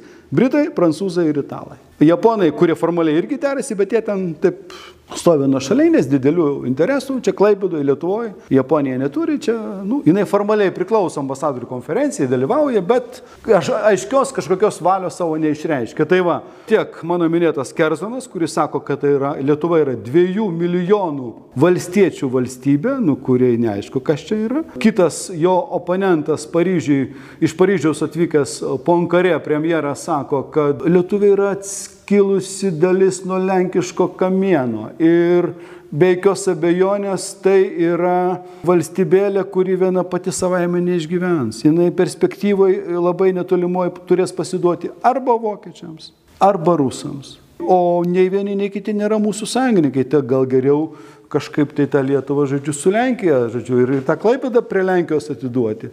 Ir turbūt, jeigu taip apibendrinai, apibendrinai trumpai tariant, vienintelis tikras Lietuvos sąjungininkas tarptų trijų Italijos, Prancūzijos ir Anglijos yra Benito Mussolini. Jis tik yra atėjęs į valdžią 22 metų rudenį. Jisai yra, žodžiu, tik visiškai prieš porą mėnesių treitą jisai jį Italijos karalius Vitorija Manuelė II nominavo kaip premjerą. Ir jam imponuoja lietuvių žygis į Klaipadą. Jam, jam primena italų kova su austrais. Jis taip ir sako Lietuvos pasiuntiniui Černeckiui, žodžiu, ir Šauliui kad jo, lietuviai drąsūs, šaunuoliai, taip ir reikia su tais kapitalistais. O teisingai, mes remiam jūs ir, žodžiu, vienintelė parama ir, ir kada čia, žodžiu, ten prancūzai, ypatingai prancūzai prieš, kaip minėjau, Ponkarė sako, kad čia Lietuva neišliks, kad tai yra atskilusi šaka nuo lenkiško kamieno valstybingumo ir, ir taip toliau ir panašiai. Ir vienintelis Musolinį ten blokuoja beje porą antilietuviškų notų. Dėl sukilėlių išvedimo, dėl sukilėlių nuginklavimo. Nu, tiesiog jų atstovas nepasirašo, o kadangi turi visi sutarti, nu taip ir gaunasi. O Musolinis, ta prasme, dar yra, aš manau, dalykas dar čia kitas suvaidina, grinai psichologinis. Musolinis yra tik ką tapęs premjeru ir tik ką jis pajunta tą valdžios skonį, kad jis yra tarp trijų didžiųjų ir jis nori parodyti dar savo valdžią, kad va jis, jis nepasirašys ir ta nota neišeis. O ta prasme, nu, įsivaizduojate Musolinį, kaip ten kalba, ta prasme, o, o dar šit, šitas dalykas, Musolinio noras parodyti tiems vakarų, sai, jis, nu, jis, dar tas, jis yra dar tik įsibėgėjantis fašistas, nu, tai yra žmogus, kuris dar prieš penkis metus buvo socialistas, o dabar jis jau yra fašistas. Nu, kaip mūsų škirpa, nu, škirpa reikia ilgesnio laiko tarpo, kol jis tapo nuo fašisto, nuo socialisto iki fašisto. Tai jisai šitas eina žymiai greičiau, bet tai sužaidžia mūsų naudai. Ir dar vienas yra svarbus dalykas. E, sakyčiau, yra grinai juridinis klausimas iškyla, žodžiu, dėl Freištato ir dėl klaitos, vadinamo Klaipėdos krašto prijungimo prie Lietuvos. Yra svarstamas labai rimtai klausimas, ypatingai Londone. Londonas viską, žodžiu, mėgsta daryti pagal tos juridinius žodžiu, dalykus, kad gal reikėtų suorganizuoti vis dėlto plebiscitą Klaipėdos krašte. Ir čia jau mūsiškiai pajunta labai, ta prasme, tokį širpulų, kad per nugarą, nu jeigu bus balsavimas, tai visiškai rezultatai bus neaiškus. Bet čia taip, ta prasme, Britų užsienio reikalų vienas, ten keletą kartų tas klausimas iškyla darybose vasario pradžioje 23 metų, bet patys Britai tą idėją iškelia ir patys tos idėjos atsisako. Tarsi kalbasi patys su savimi, girdint, žodžiu, mūsų atstovui Tomui Naruševičiui. Sako, taip, plebiscitas, taip jūs tikriausiai plebiscito nelaimėsit. Bet kas tada laimės? Jiegi sako, nubalsuos už Vokietiją. Nu, ta prasme, klaibytos. Jie taip pat pats taip garsiai kalba, jisai maždaug. Bet sako, mes juos tai nuo Vokietijos atskiriam jų nesiklausdami. O dabar mes jų klausimės. Ta prasme, kaip čia su mūsų teisinė logika? Mes juos atskiriam, neklausėm jų valios. O kodėl mes dabar turime jų klausti? Nu kažkas čia negerai išeina. Tas plebiscitas idėja gal ir būtų gera, bet va šitoje vietoje jinai negera idėja, nes, nes mes jau va, tada neklausėm prieš porą metų treitą, o dabar mes klausėm jų nuomonės. Tarsi, o kodėl dabar jų nuomonė tapo svarbi, nors 19 metų vasarą, kai mes iš juos išėmėm, jų nuomonė buvo nesvarbi, nėra logikos. Todėl atsisakom ir, ir čia visi lengviau atsidūsta, žodžiu, ir taip vagimsta ta garsioji 1923 vasario 16 dienos nota, kurią kažkodėl mūsų prezidentas Klaipėdai pavadino kažkokią sutartim, tai nėra jokia sutartis ir tai nėra dar joks pripažinimas Lietuvos suvereniteto. Tai yra tik tai, arba yra pripažinimas de facto.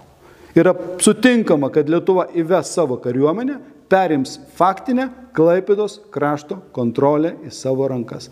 Faktinę, ne juridinę. Tai yra 23 metų vasario 16 dienos ambasadorių konferencijos nota Lietuvos vyriausybė. Labai aiškiai, labai, žodžiu, konkretiai. O po jos įteikimo prasideda ilgos ir nuobodžios dėrybos dėl galutinio Lietuvos suvereniteto pripažinimo Klaipėdos krašte, kurios čia būtų atskira kalba, ilga ir nuobodi, kurios baigėsi tik tai 24 metų gegužės 8 dieną, kada mes prisijungiam Klaipėdą autonominiais pagrindais. Su klaipėdiečiai gauna, tiksliau, mažlietuviai gauna plačią politinę, kultūrinę, ekonominę, finansinę autonomiją. Ir jeigu paskaityti, dar klausimas labai trumpai, atsak, pabandysiu atsakyti, kodėl jie gavo tą autonomiją? Atsakymas gali būti labai trumpas. Todėl, kad jie norėjo. Vakarų sąjungininkai nebuvo nesažiningi šitoje vietoje. Jie vykstant deryboms kvietėsi atskiras Klaipėdos krašto, Klaipėdos miesto gyventojų grupės, politinių organizacijų, ekonominių, socialinių, ten buvo prekybos rūmai tokie. Ir ko jūs norite? Ir visi, netgi tie, kurie buvo lietuviški, aš jau nebekalbu, kurie buvo provokiški, visi sakė, kad mes norim plačios autonomijos, norim tokių, tokių teisių. Iš esmės, ko jie prašė, tą jiems ir davė. Aišku, Lietuva buvo dėl to liko labai nepatenkinta, nes ir kaip istorija parodė, kad tas Lietuvos nepasitenkinimas jis nebuvo iš piršto lauštas, nes e, jau labai greitai 23 metų pabaigoje, 24-5 metais tampa aišku, kad situacijos suvaldyti mažoje Lietuvoje, suvaldyti mažlietuvius, įtikinti mažlietuvius, kad jie yra jaunesnėji lietuvių broliai Lietuvos valstybei, nieko neišeina. Ir čia jau atsiranda, ta prasme, konkurencija tarp skirtingų politinių jėgų. Vieni siūlo tą maž mažlietuvius valdyti kietą autoritarinę ranką, kiti siūlo jiems daryti tam tikrus ekonominius, ekonominės preferencijas, kad jį, kad tokiu būdu juos, žodžiu, patraukti ir panašiai. Čia galima ilgai kalbėti ir, ir, ir visą kitą, bet, sakyčiau, faktas lieka faktu. Nuo 23 metų, tiksliau nuo 24 Gegužės 8, kada buvo pasirašyta Klaibidos konvencija, statutas ir panašiai, iki pat 39 kovo 22, kai mes Klaibidos netekom, nieko mes pakeisti šitoje vietoje negalėjom. Skirtumai tarp mažlietuvių ir didlietuvių, tarp tų, kurie buvo įpratę gerti rytais kavą ir valgyti ryte, kas rytą šviežią duoną, šviežiai iškeptą.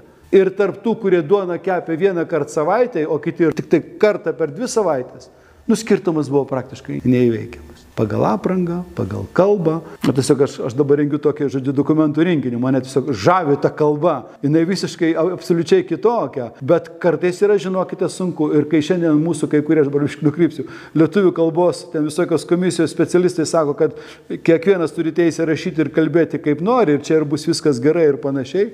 Aš galiu pasakyti, kad tikrai nelabai gerai. Nes kai kurių klaipėdiečių rašytų tekstų lietuviškai yra taip sunku suprasti, kad, o ypatingai, kai 15-20 žmonių visi rašo skirtingai.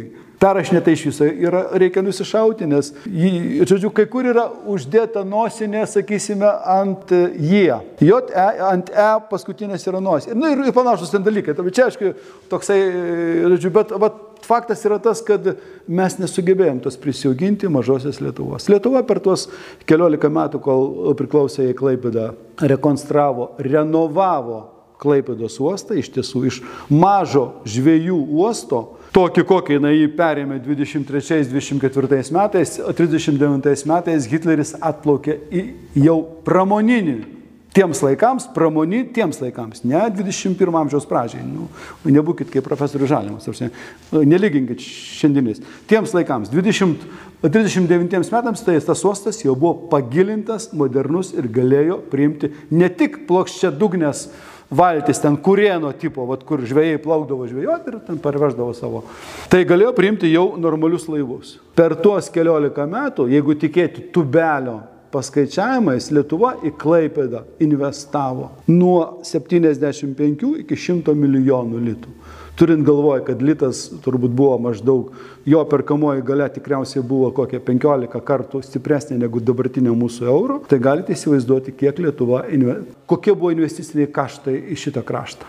O tai, kad Lietuva neteko Klaibudos krašto ir taip, kaip jinai neteko, praktiškai tą paaišku jau 23 e, metų pavasarį. Dar iki galutinio Klaibudos krašto, o čia yra turbūt paradoksas. 23 metų sausį mes padarom sukilimą Klaibidoje, 23 e, vasario 16 ambasadorių konferencija nota pripažįsta Klaibidoje faktinį Lietuvos, faktinę Lietuvos valdžią, kitaip tariant, pripažįsta, žodžiu, Lietuvos suverenitetą de facto.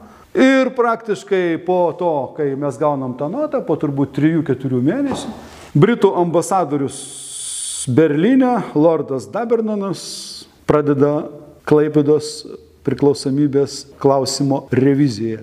Nu, jisai veikia Londone tarp vokiečių, Anglija ir, ir, ir, ir Vokietija, jos yra sąjungininkas, jų kultūra bendra, iki bendra dinastija, E, žodžiu, Gotos Saksų dinastija bendra, tik tai e, anglai Vinzorų, save perkrikštijo Vinzoras tik tai 1917 metų pradžioje, kai jau karas tarp, pirmas pasaulinis karas pasiekė maksimalę įtampą, žodžiu, ta dinastija atsisakė savo vokiškos tapatybės ir pasiskelbė anglišką, žodžiu, tapatybę ir panašiai. Nu, bet tie visi dalykai paskelbti galima, ką nori.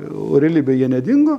Ir jau turbūt 23 metų balandį, gegužę, Lordas Dabernanas, žodžiu, Berlyne, kalbėdamas su vokiečiais, vėliau kalbėdamas su rusų pasiuntiniu, su prancūzais, Sako, kad tas klausimas taip, kaip čia yra sprendžiami reikalai, jisai negali būti sprendžiamas, nes tai yra naujo karo projektavimas. Jeigu jūs norite naujo karo Europai, tada galima į tokiu keliu.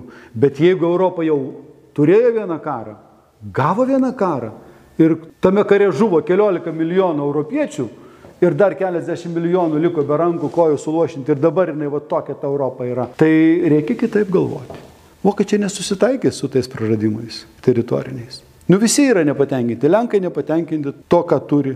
Vokiečiai nepatenkinti. Rusai nepatenkinti. Lietuviai kariauja su Lenkais. Nu ir taip toliau čia vardinti galima.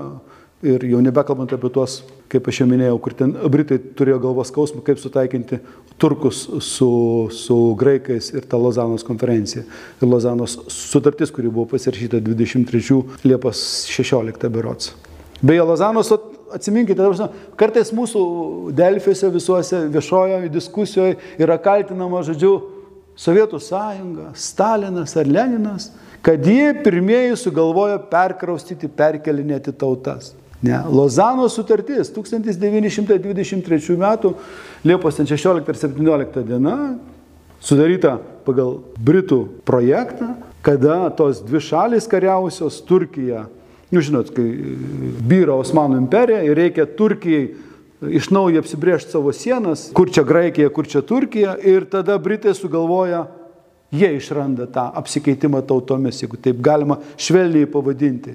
Pagal tą sutartį yra numatyta, kad graikai liekantis teritorijose, kurios priskiriamos Turkijai, turi atsistoti ir išeiti į Graikiją.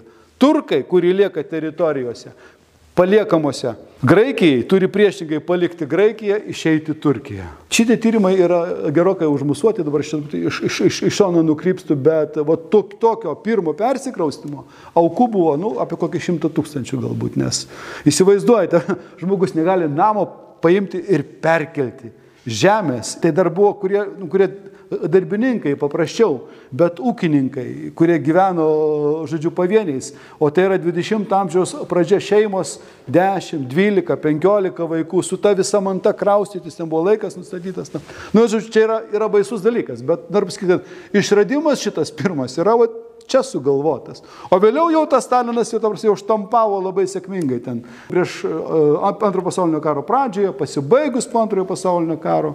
Taip, Lenkų Vilniaus krašte neliko. Vitalija galėtų pasakyti, žodžiu, ir taip toliau ir panašiai. Bet aš dabar čia, žodžiu, uh, nukrypau iš šoną. Tai kur aš ten sustojau dabar? Apie šį, o jo, apie Lordą, jau labai trumpai baigsiu, labai greitai tuos, žodžiu, dalykus. Lordas Dabrinonas ir dar bus vienas toksai, žodžiu, projektelis. Tavo, jo, jo planas yra paprastas. Kaip išvengti, kad Europoje nekiltų naujo karo? Nu, iš esmės didiesiems reikia gražinti tai, kas jiems priklausė. Vokietijai reikia gražinti Danzigą.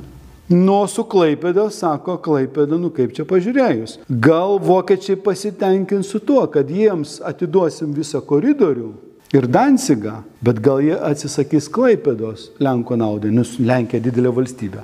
Nu reikia, jeigu Lenkija netenka išėjimo per Danzigą jūras, jie reikia kažkokio kito uosto. Nu, tada, sako, yra, žodžiu, Klaipėda. Bet dar yra ir Liepoja. Lenkija didelė, jie gali Klaibidos neužtekti, Klaibidos net 23 metai, dar sakiau, Klaibidos ostukas dar yra visiškai menkas, dar tik skirtas praktiškai plokščia dugniams, žodžiu, kurienui, valtims, dar jisai nėra rekonstruotas. O Liepoja jau yra modernesnis, jau gali didesni laivai plaukti. Tai gal dar prie Klaipidos, jeigu Lenkai nesutiktų, būtų galim ir Liepoja, žodžiu, pridėti. Latvijoje apie tai, žinoma, niekas ne, žodžiu, neklausė. Tai yra neįdomus dalykas. Tai dabar, kadangi laikas baigėsi, aš taip labai nesismulkinamas pasakysiu, kad šitas Lordo Dabernano pirmą kartą 23 kovo pabaigoje suformuoluotas planas, jis vėliau cikliškai Europos diplomatiniuose sferuose Nuo Stokholmo, Paryžiaus, Londono, Romos ir kitų sostinių buvo diskutuojamas iki, tai, iki pat 39 metų, nu kokį 10-12 kartų. Įvairios jo versijos, ta prasme. Palikti Klaipėdą Lietuvos valstybingumą, ar Lenkija tik tai, žodžiu, atiduoti Klaipėdą. Ar iš viso įpertvarkant, žodžiu, visą tą Europą, gražinant Vokietijai jos net, net, žodžiu, prarastas teritorijas, kurios jau yra priskirtos Lenkijai. Lenkijai dar reikia pridėti ir Lietuvą prie Klaipėdos. Iš pradžių Klaipėdą, paskui prie Klaipėdos ir Lietuvą pridėti, kad, žodžiu, turėtų. Nu ir, ir taip toliau ir panašiai. Čia yra vienas, čia yra tik tai planai. Bet tie planai vėliau, realizuojasi 309 metais. Yra kitas planas, nemažiau įdomus, kuris, apie, apie kurį, tiesą sakant, aš labai mažai buvau girdėjęs ir skaitęs, ir kurį tik tai dabar iš tų dokumentų, kuriuos su kuriais dabar dirbu, žodžiu, pavyko iškapsyti. Didžiulis kiekis ir masė dokumentų. Tai yra kitas planas, kuris iš viso yra, ta prasme, nu, vat kaip masto, kuris pasako, kuris galėtų šiaip jau pasakyti, vat tas planas daugiau pasako apie, manyčiau, apie šiandieninę situaciją Europoje ir pasaulyje, negu apie tai, kas įvyko. Kaip masto didieji geopolitiniai galios centrai. Irgi tai yra 20 maždaug 3-26 metai. Londonas vėl, tas pats smegenų centras, Sanktanka. Jos valstybės, ta prasme, jau daro išvadą, kad jos greičiausiai ilgoje istoriniai perspektyvoje išgyventi negalės. Per daug yra konkurentų.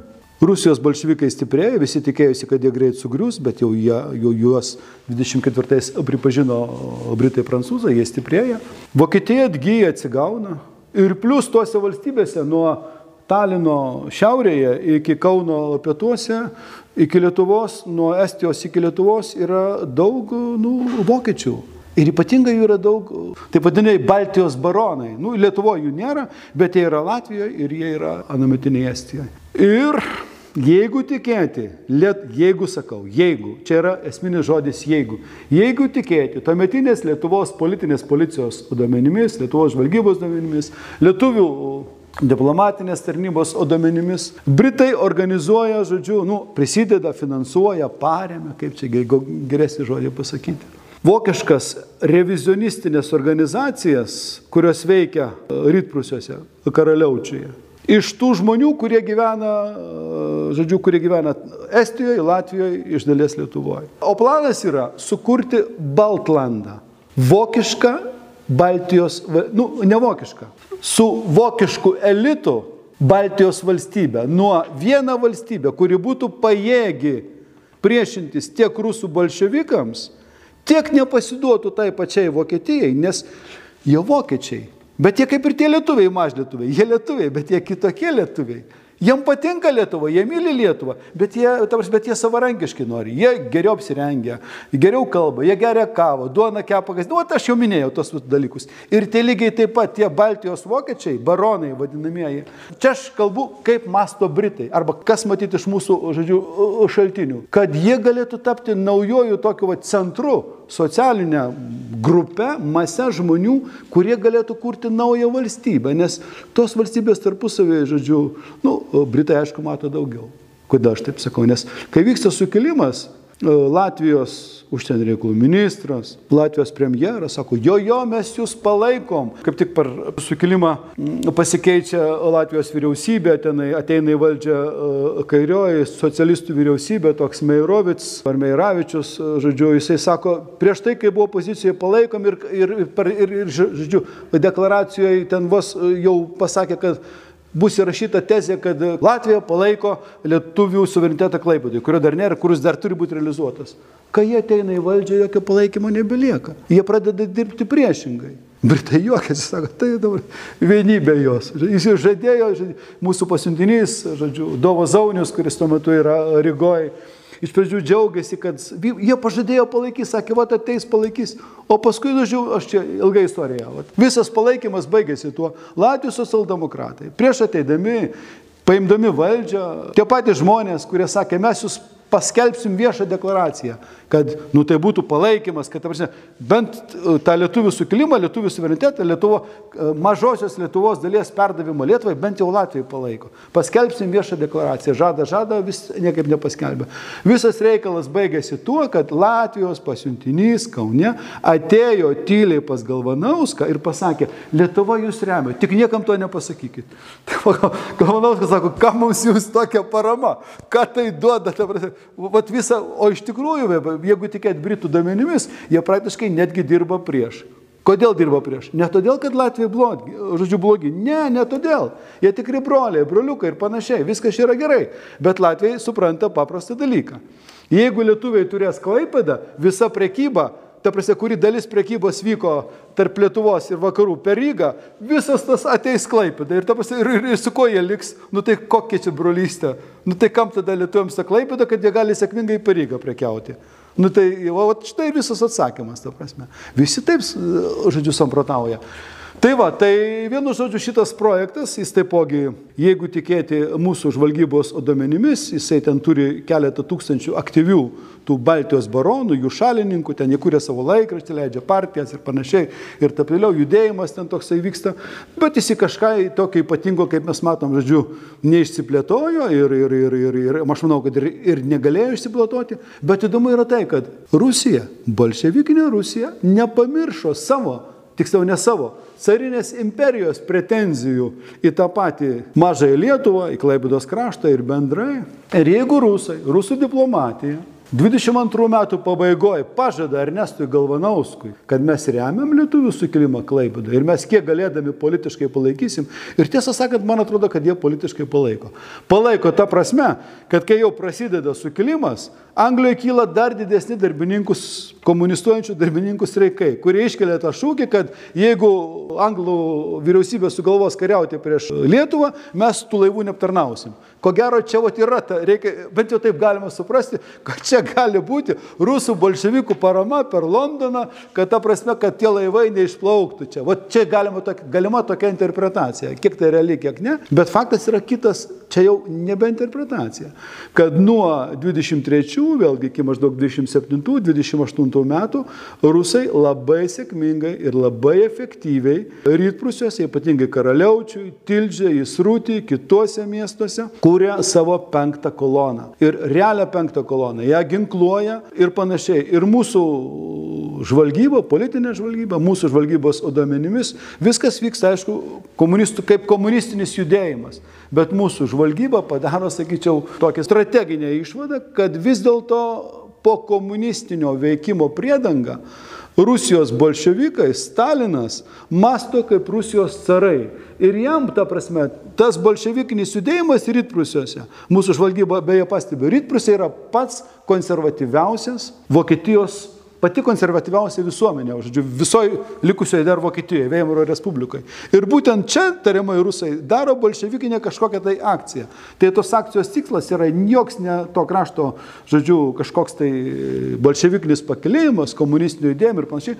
Tai yra grinai geopolitinis, strateginis, senas Rusijos carų tikslas įsitvirtinti arba ieškoti išėjimo į šitą kraštą, kad galėtų iš šito krašto arčiau, artimiau kontroliuoti, valdyti visą šitą Baltijos jūros regioną ir bežbėgant už akių, 45 metai.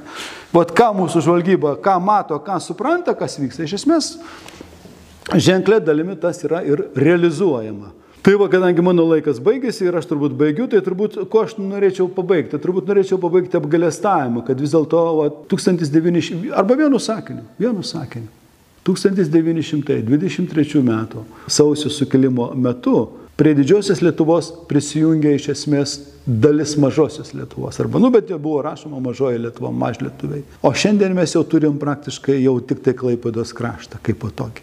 Apie mažlietuvius mes esame užmiršę apie jų tapatybę, jų kultūrą, jų vėliavas ir kitus dalykus. Nu, galima sakyti, kad Lietuva aneksavo, tikra to žodžio prasme. Ir iš esmės, nors buvo sakoma, čia vienas garsus žmogus per televiziją nesenai pasakė, kad, žodžiu, kaip čia kokią formuluotę brėjau dabar. Manau maždaug, kad mums svarbi yra Klaipėdos tapatybė, ar kažkaip buvo žodis tapatybė pasakyta. Bet man atrodo, kad mes per tuos šimtą metų valdydami, ta prasme, nu ne tik mes, bet vat, mes turėjom sovietmetį, viską, bet mes labai sąžiningai ištrynėm tą tapatybę ir tą tapatybę dabar aš tą matau, tik po jūsų parodoje, va čia jūsų holė, kur va ta reali, iš tiesų va ta ir ką aš skaitau tos dokumentus Šilcava ir panašiai, va ten ta tapatybė jaučiasi, jinai alsuoja, nuo jos nepabėgsi, nuo jos nepasislėpsi, jinai gyvai, jinai užkabina. O visa kita šiandien, tiesą sakant, man atrodo taip, taip, nu, ir kad mes nenorim to prisiminti, galbūt toks paskutinis mano momentas, mano supratimu, tas mūsų, kabutėse tariamas, sukilimas, jis turėtų būti ryškiau įamžintas, įpaminklintas toje pačioje Klaipėdoje, nors kolega galbūt yra prieš paminklus, nežinau, bet mano supratimu, tie ten visi, kiek ten 1500, 1700 vyrų, tų vadinamų sukilėlių, iš kurių 12 žuvo, mano supratimu, tų visų herojų pavardės kažkaip mums turėtų būti mūsų istorinė atmintyje labiau įsirėžusios, labiau žinomos,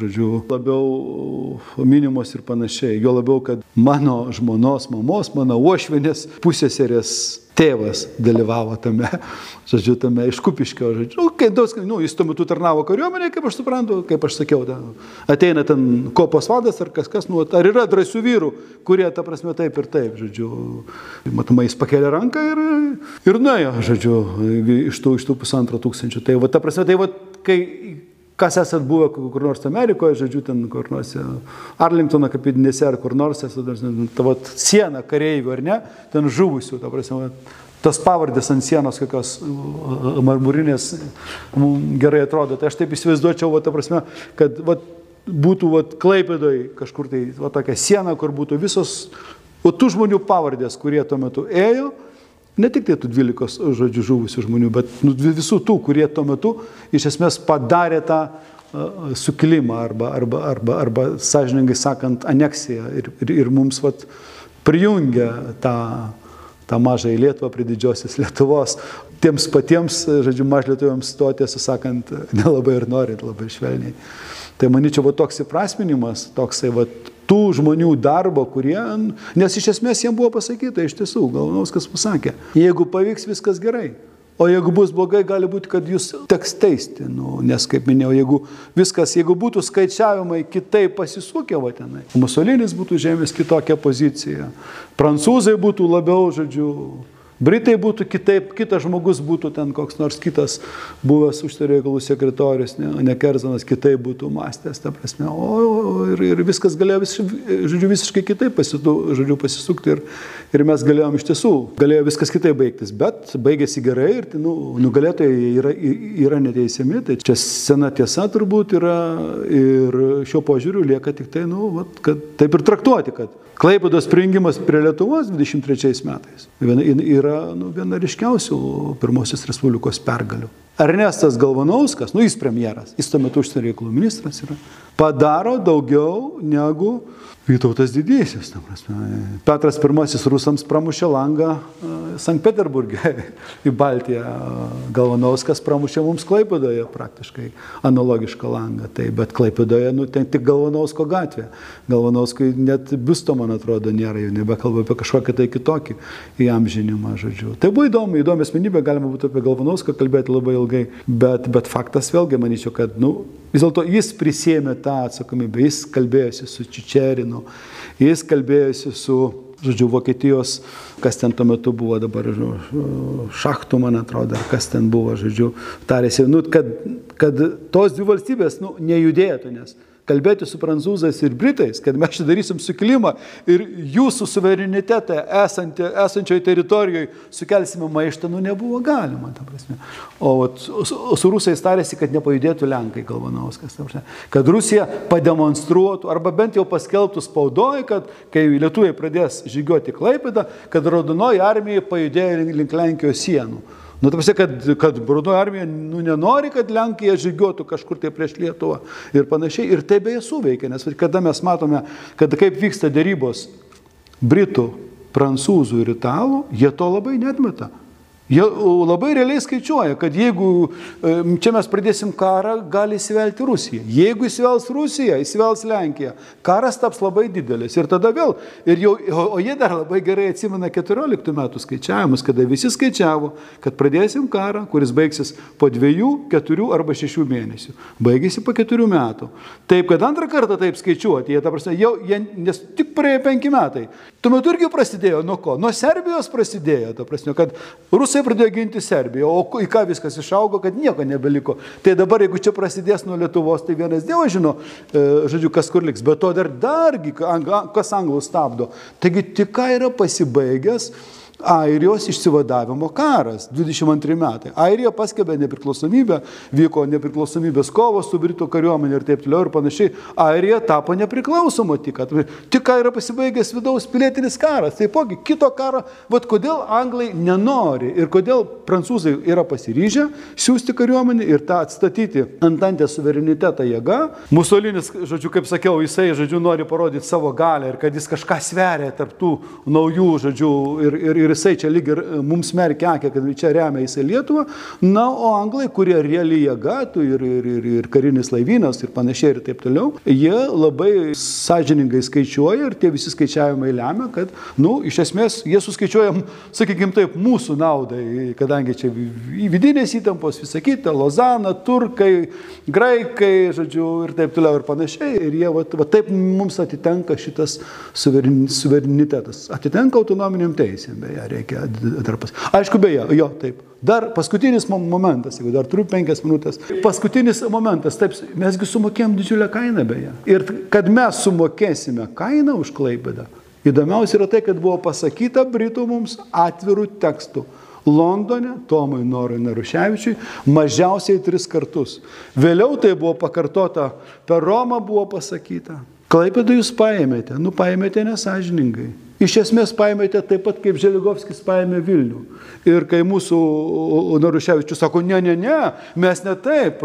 Vilnius buvo, Lenkai inspiravo sukilimą, ten taip patys lapėdiečiai sukilo, mažlietuviai sukilo, jie trokšta prisijungti prie Lietuvos. Britai juokėsi į ūsą. Jis sako, o kaip jūs galvojate, ponė pasiuntinį, Klaipėda atitenka Lietuvai, mes vat, perleidžiame suverenitetą, aišku, atsižvelgdami į vietos gyventojų valią, jie ten nori ten muitus kontroliuoti, švietimą, dvi kalbos ir taip toliau, ir taip toliau, ir panašiai. O Vilnių mes galvojame, kad klausimas jau ilgai neišspręstas ir jį reikia išspręsti. Nu ir ten jau Lenkija įsitvirtino vis dėlto.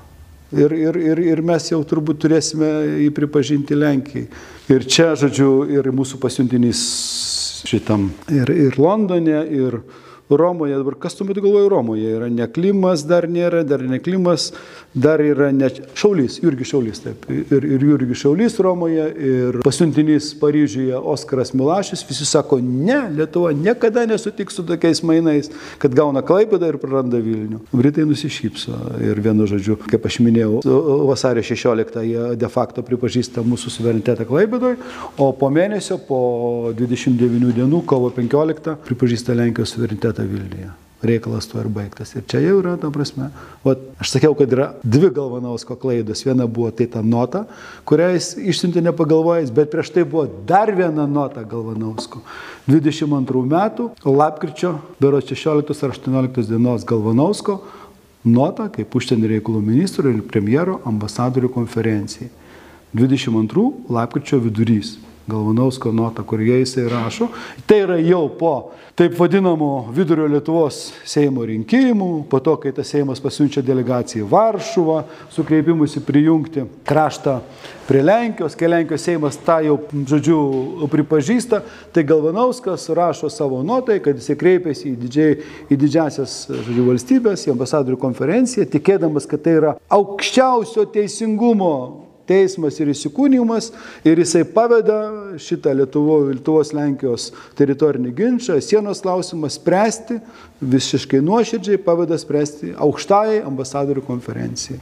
Tai 20, 23 tai kovo 15 dienos ambasadorių konferencijos sprendime taip ir buvo, žodžiu, pasakyta, remdamėsi, remdamėsi Lietuvos premjero mums deleguotą teisę spręsti Lietuvos ir Lenkijos teritorinį ginčą, priimame tokį sprendimą, kad Lenkijos ir tų siena eina šitoje vietoje. Nebeatšauksi. Antrą notą, kaip aš jau minėjau, pavyko atšaukti dėl to suvereniteto užginčymo. Ir aišku, tai buvo įžūlus, tai buvo, tavarsime, kaip sugalvojo, kas sugalvojo tokią tokią notą sunku pasakyti. Pirmos notos, aišku, atšaukti nebuvo galima ir, ir, ir rezultatas buvo toks, žodžiu, koks buvo. Gavom Klaipėdą, paradom Vilnių. Ir klausimas tapo vėl neišsprendžiamas iki 39 metų.